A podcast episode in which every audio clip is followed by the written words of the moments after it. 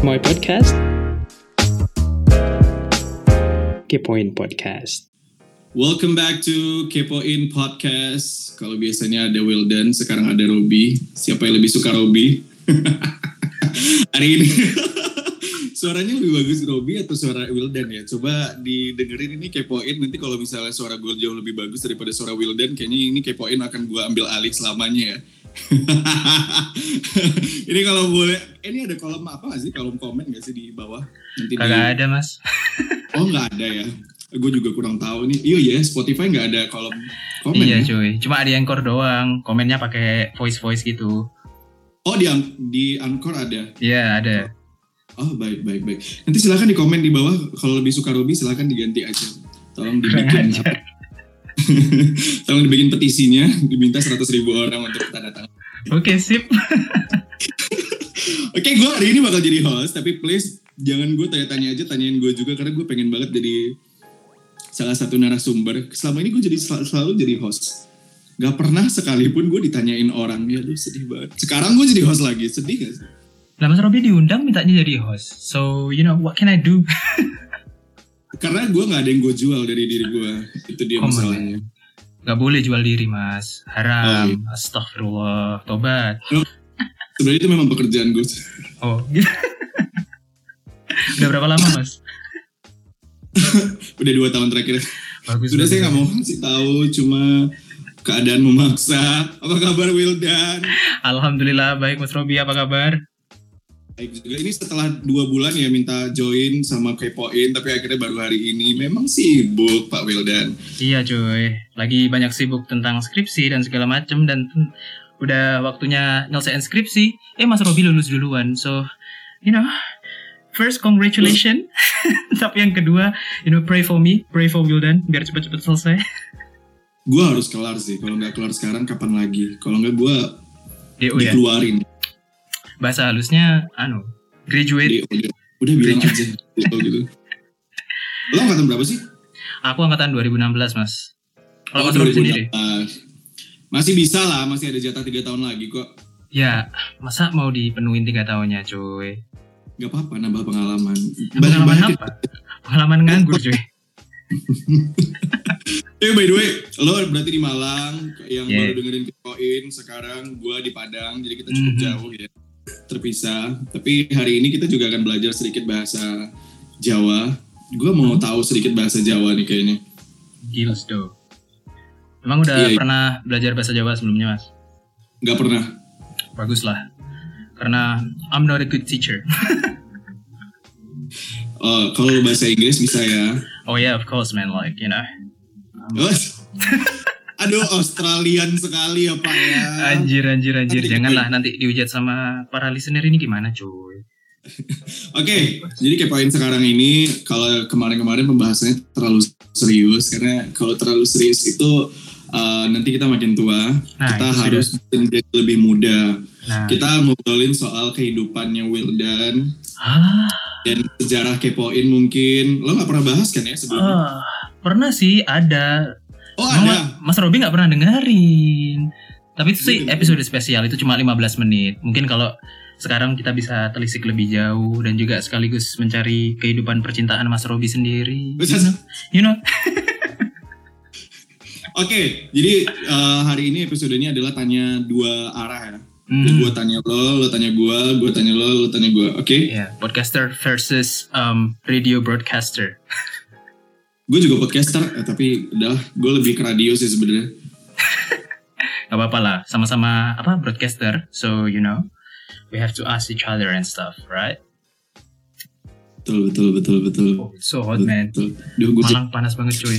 Gila. Gak bisa Sekarang- konsen aku. sekarang ada yang pertama adalah eh, kita membandingkan kuliah. Kuliah. Oke. Kuliah. Lo, lo, lo background lo apa? Background gua. Gua, aduh, orang Malang bilang gua gak enak banget anjir. Oh, Background gua? ya? Background gua apa? Aku kamu. Aku tapi sih kalau Aku cuy. kalau di Padang itu aku kamu itu berarti udah pacaran. Biasanya orang pakai. Anjay. Hmm. Kalau- Kalau di Malang mah gimana ya kalau di Malang ini? Di Malang kalau seseorang yang aslinya Malang terus pakai Hmm. lo gue itu nggak pantas karena how ya? How how do I say this? Karena orang Malang itu Coba kan coba tes pakai lo gue, coba tes pakai lo gue. anjir. Lo gue. Gue gue nya itu kayak medok gitu loh bahasa Jawa. Kan ada bahasa Jawanya ada medok banget gitu loh kayak tekanan dari G nya gue gitu. Gue Berarti gue. Lo gue. lo gitu. gue iyo lo gue. Kan nggak enak gitu. Ya sama kayak orang siapa istilahnya orang Jakarta disuruh ngomong umak ayas itu juga Hmm. nggak masuk akal di telinganya orang Malang cuman ya you know Orang, orang Jakarta suruh ngomong apa? Uma ayas, uma ayas. umak itu kamu bahasa Malang terus juga Oh, ayas oke. itu saya Ah. aku Oh. kamu heeh. So, Uma, umak umanya itu U, U M A. U M A K terus dibalik jadi kamu Jadi jadi di Sumbar itu ada satu daerah namanya Pasaman. Pasaman Ah. itu kayak perbatasan Sumbar sama Sumatera Utara gitu. Uma itu artinya mama. anjay iya sih kedengarannya kayak mak gitu Hmm, iya. Iya. Kalau di Malang Jadi- sih Ebes sama MS. Aneh kan cuy? Ebes itu bapak. Terus. Ya, Kita Ebes. kita kayaknya kita kayaknya terlalu jauh ya Pak ya. Tadi azan Isa jam berapa ya di sana? Azan Isya ya sama kan waktu Indonesia Barat jam berapa ya? Aku nggak berartiin azan ya. Oh iya, enggak lo jam berapa tadi azan Isya jam berapa di Malang? Di Malang jam sekitar jam let's say 6.45 Oke, di sini jam 7.40. lah kok how? Kok bisa different gitu cuy? Karena karena kalian lebih cepat di Malang itu lebih cepat, di Padang itu lebih telat. Kalau lo ke Aceh Ah. lagi lebih lama lagi, mungkin Aceh jam 8 dalam 8 lewat 10 mungkin. Oh berarti kita selisih cuman nggak berjam-jam gitu ya? Betul, jam kita Ah, iya. sama, cuma jam eh, kayak jam azan itu beda-beda gitu. Ah, iya sih, sih. That's interesting. Soalnya aku kira kalau misalnya waktu Indonesia Barat ya adanya serentak jam 7 gitu. Terus habis itu nanti dilanjutin di Indonesia bagian tengah dan seterusnya. Oh enggak, Yeah, beda. the more you know. Karena aku nggak pernah, aku nggak pernah keluar provinsi selain Bali. I think, yeah, that's it, Bali. Tapi lu udah ke Australia coy. Ya, ya kan, iya luar provinsi itu, cuman beda negara. Iya bener, pro- provinsi nggak tuh? Eh, Emang iya, Australia bagian dari Jawa Timur? ya kan Jawa di bawahnya gitu dikit paling renang 10 jam gitu udah nyampe lah kalau nggak mati gitu Lama pak, 10 jam jauh banget pak. soalnya Australia ku Australia yang deket mas bukan di Australia yang di apa Melbourne Adelaide segala macamnya Australia di Perth doang jadi kayak misalnya ke Oh, Bali. Perth iya justru lebih dekat. Mm-mm, cuma turun dari Bali gitu loh. Paling eh, aku coba inget sih paling dua jam aja naik pesawat. Hmm, sedekat itu cuy. Hmm. Dua jam naik pesawat dari Bali. dari Bali. Bali sampai ke Perth eh, apa lupa aku namanya Wah, apa airportnya. Iya itu cuma kira Australia itu jauh loh, kayak kira-kira 5 jam atau 6 jam penerbangan. oh tergantung. Kalau misalnya mau ke let's say Queensland atau Queensland Queensland maybe you will take about let's say yeah five six hours. Itu good. Kalau Wow, ke Melbourne maybe you will take about seven tujuh. Wow. yeah. So Australia itu gede banget cuy. Kelihatannya negaranya itu apa ya? Kalau orang-orang mikir kan Australia oh, Australia itu ya negaranya segitu aja ya kan cuman kalau misalnya Mas Robi tahu ke sana ke Australia semoga lah ke ke depannya aku doain dapat beasiswa ke Iya. Australia cuy Amin. itu kalau di Australia itu penduduknya dikit mas Oke. cuman ya cuman lahannya gede banget dan banyak lahan yang nggak bisa dimanfaatin kan Australia itu kayak benua gede banget gitu kan terus di tengahnya itu Mhm. kosong cuy kosong itu ya padang pasir ada uluru segala macamnya dan itu orang-orang nggak bisa bermukim di tengah jadi negara yang besar dan berpenduduk kecil cuy Oh gitu. Mhm, makanya banyak jadi tempatnya apa ya imigran-imigran yang dari negara yang berkonflik kayak Pakistan terus habis itu India Sri Lanka mereka itu datang ke Australia untuk jadi permanent resident ya seperti itu coy Oke. Hmm. Pertanyaan gua kayaknya nggak itu tadi deh. apa background pendidikan lo. apa nih oh iya ya orang idol anjay Nggak, background pendidikanku how do I Hmm. say this Um, pendidikan apa SMA atau Eh, kuliah Kuliah. kuliah psikologi SMA juga psikologi SMA lu psikologi gimana bisa? Yeah, well, you know, uh, it's different. Agak berbeda sih. Kalau di sana itu ada penjurusan. Aku sebenarnya nggak psikologi murni di sana dulu itu. Dulu aku ngambil beberapa subjek. Ada yang fotografi dan aku tersertifikasi jadi fotografer. Terus juga uh, apa itu visual artist. Terus juga ngambil science dan sampingannya adalah psikologi majornya untuk di Curtin University.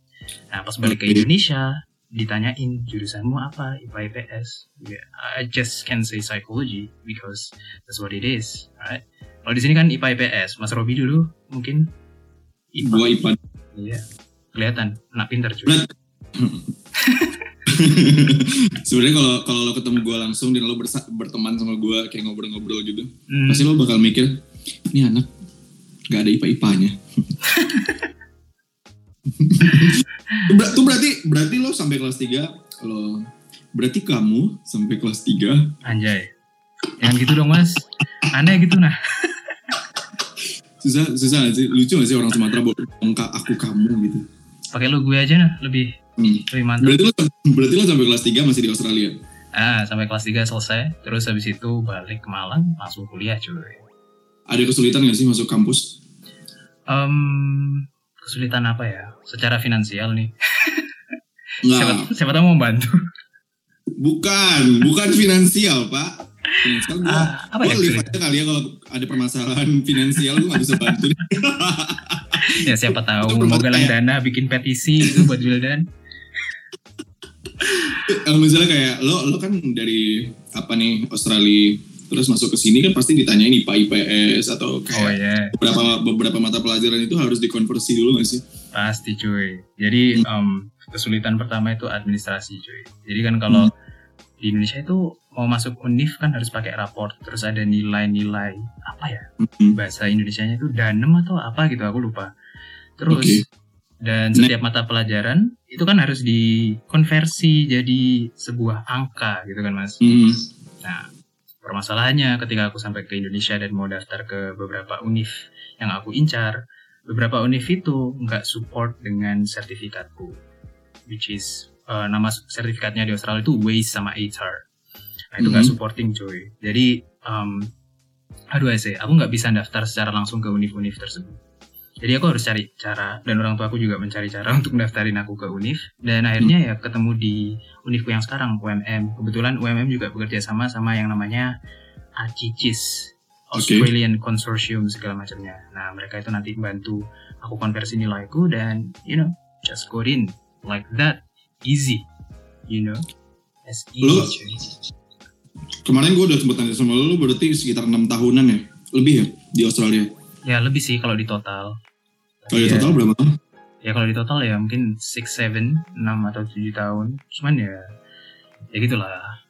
You know. Gue punya teman yang lumayan lama juga di Australia. Kayaknya nggak selama lo deh, kayak sekitar Hmm. cuma 4 tahun doang. Sampai di Indonesia itu punya problem dengan bahasa Indonesia. Oh yeah. What What's yours? my problem with bahasa Indonesia. So Hmm. This is kind of interesting because when I got into Indonesia, ketika aku Mhm. sampai di Indonesia itu um, bahasa yang paling aku struggle with itu bahasa Indonesia. Tapi bahasa yang aku paling fluent adalah Javanese and also bahasa Inggris. Yes. Ja Yeah. Japanese, bukan Ja- Japanese. No, of course, man. Like konnichiwa, nihongo, Japanese desu ka? No, no. I I speak Javanese, my mother tongue. Jadi bahasa Jawa, cuy. So, yang terjadi adalah aneh. Jadi ketika aku diajak ngomong sama teman-temanku yang baru tuh bahasa Mhm. Indonesia, kan banyak kan namanya mahasiswa dari luar kota segala macamnya. So, sometimes I cannot reply. Ujung-ujungnya aku mesti bales kalau nggak pakai bahasa Jawa yang mereka nggak ngerti. Yeah, I speak English and they took it the wrong way ya kan karena mereka nggak tahu aku dari Australia so they think that um ada sih bahasanya sendiri mas ke Inggris sok-sok pakai bahasa Inggris gitu kan Uh-huh. so they assume that you know I'm trying to be cool and stuff in the the fact is I'm struggling to communicate dulu, kalau kalau kalau lo coba jawab pertanyaan mereka, misalnya mereka nanya ngajak ngobrol lo, terus Yeah. habis itu lo coba jawab pakai bahasa Jawa, emang mereka nggak ngerti? um well not everyone understand Japanese karena Oh iya sih. yeah yeah like you right? Iya maksudnya kalau lo ngomong sama gue kan gue orang Padang, jadi gue gak Iya. pernah ke sana juga, jadi gak Nah, ngerti. tapi kalau yang anak-anak kalau anak-anak yang bahasa apa anak-anak yang asli Malang sih ya ngeklik aja sama aku karena bahasa Jawanya kan ya serupa gitu kan. Tapi kalau Hmm. anak-anak yang agak Jawa Tengah gitu kan mereka bahasa Jawanya agak halus atau mungkin anak yang dari luar Jawa. So I have to pick between using my Japanese, broken Indonesian, or bahasa Inggris. And that's for about one to two years for me struggling to adapt that language in my head. Ya kan? Yes. Kenapa lo ahlinya cuma bahasa Jawa doang? Di rumah biasa pakai bahasa Jawa ya? Yeah, at home, mother tongue. Maksudnya kalau ngomong sama orang tua kan ya selalu pakai bahasa Jawa. Ngomong sama teman-teman yang dari Jogja pun ketika di luar negeri itu orang-orangnya pa- pada pakai bahasa Jawa. So Japanese, ya kan? Nggak ada choice to speak bahasa Indonesia karena kalau kita ngomong apa ya? Kalau aku ngomong sama orang tua aku pakai bahasa Indonesia, Mas. At home, Hmm, it feels weird. I don't know how. Mungkin Oke. mungkin sama kayak Mas Robi kalau misalnya udah sering pakai bahasa apa ya mother tongue-nya bahasa daerahnya di rumah Hmm. terus tiba-tiba suruh ngomong bahasa Indonesia sama orang tua kan you know there is something nggak connect gitu kan so yeah that's the struggle with bahasa Terus. ya ya Oke oke oke oke ini aku belum tanya Mas Robi nih sebenarnya Mas Robi di Padang udah berapa lama Oke. Kalau kalau Iya. gue sih gini, gue itu sebenarnya mix and match Sumatera Utara dan Sumatera Oke. Barat.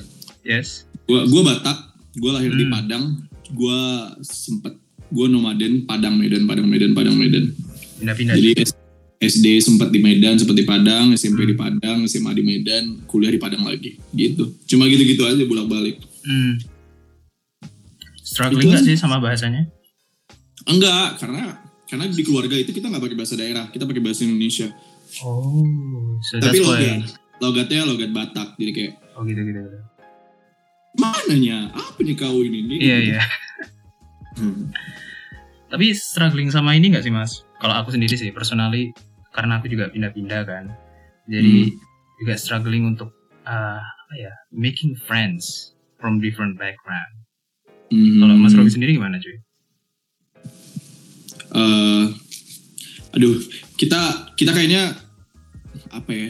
Punya kalau gue sih masih di Sumatera, jadi orang-orangnya masih agak-agak sama, Hmm, terus juga kerasnya juga sama, orang-orangnya juga gue kenal di dua daerah itu gue teman-teman gue banyak karena pindah-pindah kan, jadi kayak Iya. pas balik ketemu teman lama, pas balik ketemu teman lama lagi, nggak begitu struggle sih, apalagi gue suka ngomong kan, oh iya, gue tuh gue tuh kalau teman-teman gue bilang gue tuh spesialisnya emak-emak. Jadi kalau misalnya gue duduk terus ada ibu-ibu, gue bisa nggak pulang-pulang. ngerumpi cuy. Ya, gue kayaknya ngerumpi suka deh. Kalau kalau ini sebenarnya cerita lo lebih menarik sih. Sama-sama menarik cuy. Tapi Cuman beda perspektif lo- aja. Kalau kalau lo berarti se- sempet lama di Australia, eh, berarti aslinya dari mana? Di Jawa, di Malang juga kah atau di mana? Aku asli Malang cuy. Aku asli Berarti Malang. lo berarti lo di rumah nih sekarang. Iya, rumah Malang. Rumah Hmm. di mana aku bertumbuh kembang. Oh, iya, iya, iya. Iya, iya, iya. Sampai kayak gini. You know.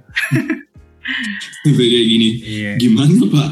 ya gimana ya ya ya kayak gini ya udah gini-gini aja dari dulu nggak ada perubahan belum lulus Kan masih empat tahun pak, gak usah bahas lulus lulus dulu pak. Gue gue lulus 6 tahun 11 bulan ini gimana? ya? kok nggak digenepin 8 tahun aja Jangan.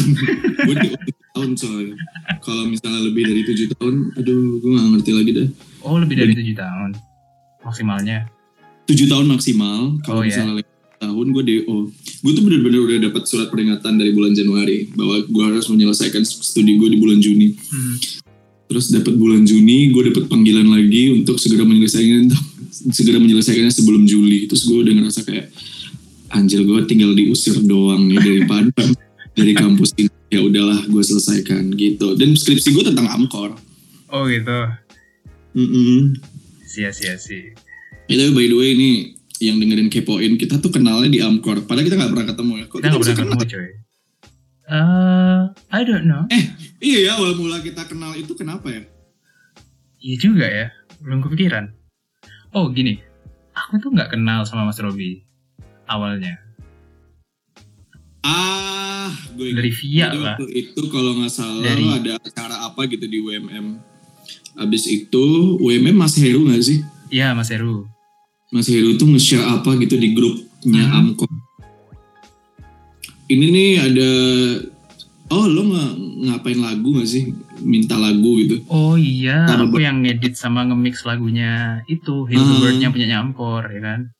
Iya terus Hmm. nanti terus Mas Herunya bilang di grup nanti yang nge-mixing namanya Wildan Oh, ini gitu. bla bla di ini Instagramnya gitu. Gue tuh gue tuh gue tuh suka ngeliat Instagram orang sembarangan sih. Gue tuh nggak peduli. Kalau orang bilang kayak hmm, lo ngeliat Instagram orang ngapain sih? Lo nggak kenal gue terserah gue kan Instagram gue gitu. Iya, emang apa yang didapat setelah ngeliat Instagramku? Kan gak ada apa-apa cuy. Eh, ini podcast? Oh iya, I mean like in my Instagram selain podcast juga nggak ada apa-apa. Cuma gambar ada lo doang. kan jago ngefotografi Ya, bagus itu tuh fit Instagramnya coy hobi sampingan cuy. Ya kalau teman-teman Hmm. misalnya mau ngelihat fitnya bisa langsung aja mampir di @ferazari di Oh, Instagram. promosi promosi promosi oke kalau tadi kan kalau tadi kan kuliah background kuliah lo Iya, lo udah pernah Em, sekarang Duh, Corona time. Acara ini disponsori Coca-Cola yang menyebabkan aku batuk. Batu kata corona cuy. jangan, ya Allah, jangan. Sekarang, sekarang gue pengen tahu em, apa cita-cita seorang Wildan. Cita-citaku. Lo pengen jadi apa? Gak boleh ditutup-tutupi. Ah, cita-citaku yang sekarang maksudnya. Iya. Cita-cita. Belum kepikiran cuy. Jujur itu. Eh, Cuman Serius. Iya serius. Cuman ketika pertama kuliah sih, cita-citaku itu memang pertama ingin jadi psikolog. Soalnya gambaran di kepalaku kalau udah jadi psikolog itu bisa ngasih konseling dan segala macamnya. Cuman Mhm. makin hari aku belajar psikologi dan semakin sering dengerin masalah orang, kok aku ngelihat masalahku sendiri nggak selesai-selesai. Gue tuh dulu pengennya masuk psikolog, psikologi. Ah, Setelah gue sadar bahwa kemampuan gue di IPA itu jelek sekali, akhirnya nggak daftar. Emang psikologi IPA ya di sana ya? Iya, gue waktu dulu SMA IPA, terus gue bener-bener lemah di IPA ternyata. Mhm. Untung bisa lulus. Sebenarnya Terus gue berencana masuk psikologi karena Iya. gue pengen jadi recruiter, recruiter Oh di ya, HRD. HRD. uh, HR dan bla bla itu. Cuma akhirnya kayak disadarkan, apa kamu sanggup? Karena rencananya lu mau, mau ngambil beberapa kampus yang ternyata psikologinya itu berada di fakultas kedokteran. Kayak di misalnya di, Oh di, iya. di UNAN, di USU Hmm. itu justru psikologinya itu di fakultas kedokteran. Iya. Gue jadi mikir, wah gue gak sanggup nih udah langsung. Psikologi di kampusku malah masuk fakultas sendiri, Mas. fakultas sendiri. Iya, fakultas sendiri. Fakultas psikologi, jurusan psikologi. Udah itu doang. Oke. Aha. Dan psikologi di kampusku sih, um, anak IPS, anak IPA pun bisa masuk, nggak masalah. Bahkan ada satu teman kelasku itu yang udah lulus duluan, anak sastra malahan. So, doesn't really matter. Kalau misalnya lo cita-cita lo berubah dari dulu yang pengen jadi psikolog, berarti sekarang pengen jadi apa? Ah, ya exactly. Aku kan udah bilang belum kupikirin sih. Cuman Hmm. sempat ketika dalam perjalanan hidup, wah ya, ya, sampai sekarang itu semester 4 sempat pengen jadi radio broadcaster sih. Hmm. Itu serius, itu serius, pengen banget. Oke. Terus habis itu setelah Ini menekuni ini usaha nyepik-nyepik gak sih? enggak, enggak, anjir, enggak. Karena aku nggak nggak bisa, aku tahu kemampuanku, you know. Aku tuh nggak secerewet Mas Robi. Enggak lah, emang gue cerewet. Enggak ah. Ya teman-teman kalau bikin tahu Mas Robi secerewet apa bisa langsung di tune in aja di radionya. Radionya apa Mas? Gak usah, dia gak bayar. Kalau dia sponsorin kita, baru kita sebutin. Oh iya benar-benar. Bisa ini. Heeh. kalau sekarang sih cita-cita eh, sempat satu tahun yang kemarin itu aku pengen jadi trainer, trainer untuk psikologi, ya skill-skill kayak leadership segala macamnya. Cuman aku mikir lagi, kebanyakan trainer itu melihatnya dari segi bisnis aja. Jadi I just want to help people. So sekarang cita-cita yang ada ya pengen jadi socialpreneur. Aku pengen bantu-bantu orang apa ya kayak memudahkan mereka entah itu cari kerja atau bikin lowongan kerja mereka sendiri and also I want to help to inspire people on you know how can you maintain your own well-being karena di Australia dulu kan Wildan sempat jadi duta mental health juga dan kebetulan sekarang itu udah kayak mulai kembali lagi rasa-rasa ingin ya menekuni namanya mental health dan juga social projects so yes cita-citaku Oh. Mhm. kalau cita-cita Mas Robi cuy Cita-cita gue dari SMP adalah bergabung di UN sampai sekarang. Tapi Hmm. tapi fokusnya beda. Fokusnya lama-lama berubah, berubah, berubah. Kalau misalnya dulu memang ngebayangin kayak aku ingin masuk di UNESCO, aku pengen gabung Iya. di UNICEF, eh, lain-lain. Tapi sekarang lebih fokus. Eh, sekarang itu gue udah bisa nge-shape cita-cita gue itu menjadi seorang social activist. Oh, Tapi tapi tetap di tetap di eh, alurnya UN. Jadi misalnya gabung di UNICEF tapi bagian humanitariannya gitu-gitu. Mhm. Makanya gue sempet gue sekarang ini setelah gue kelar meskipun banyak yang banyak yang bilang kayak lu nggak mungkin S2 lu nggak mungkin S2 gue pengen gue pengen ngejar pekerjaan itu yang biasanya biasa kayak UNICEF dan UNESCO itu tuh uh, require S2 gitu. oh ya ya sih Mhm. Emang harus semuanya require S2 mas? Kan ada beberapa kayak let's say um, activist volunteer. Karena Wilan pernah ikut SLV itu bukan bagian UN sih. Cuman part of dari cabangnya SLV kalau pernah dengar mental health service.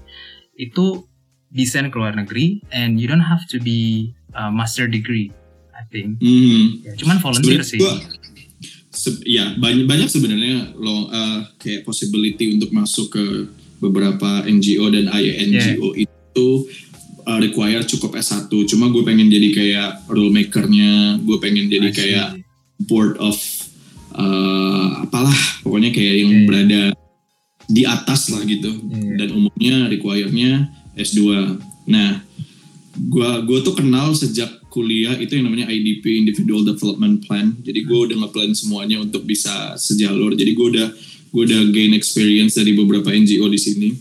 Dan gue bergerak di bidang psikologi juga. Jadi gue join NGO namanya Cherry Child Foundation. Hmm. jadi Cherry Child Foundation itu adalah em, sebuah eh, lembaga swadaya masyarakat yang bergerak di bidang pemenuhan hak pendidikan anak dan ke- dan kesehatan mental gitu.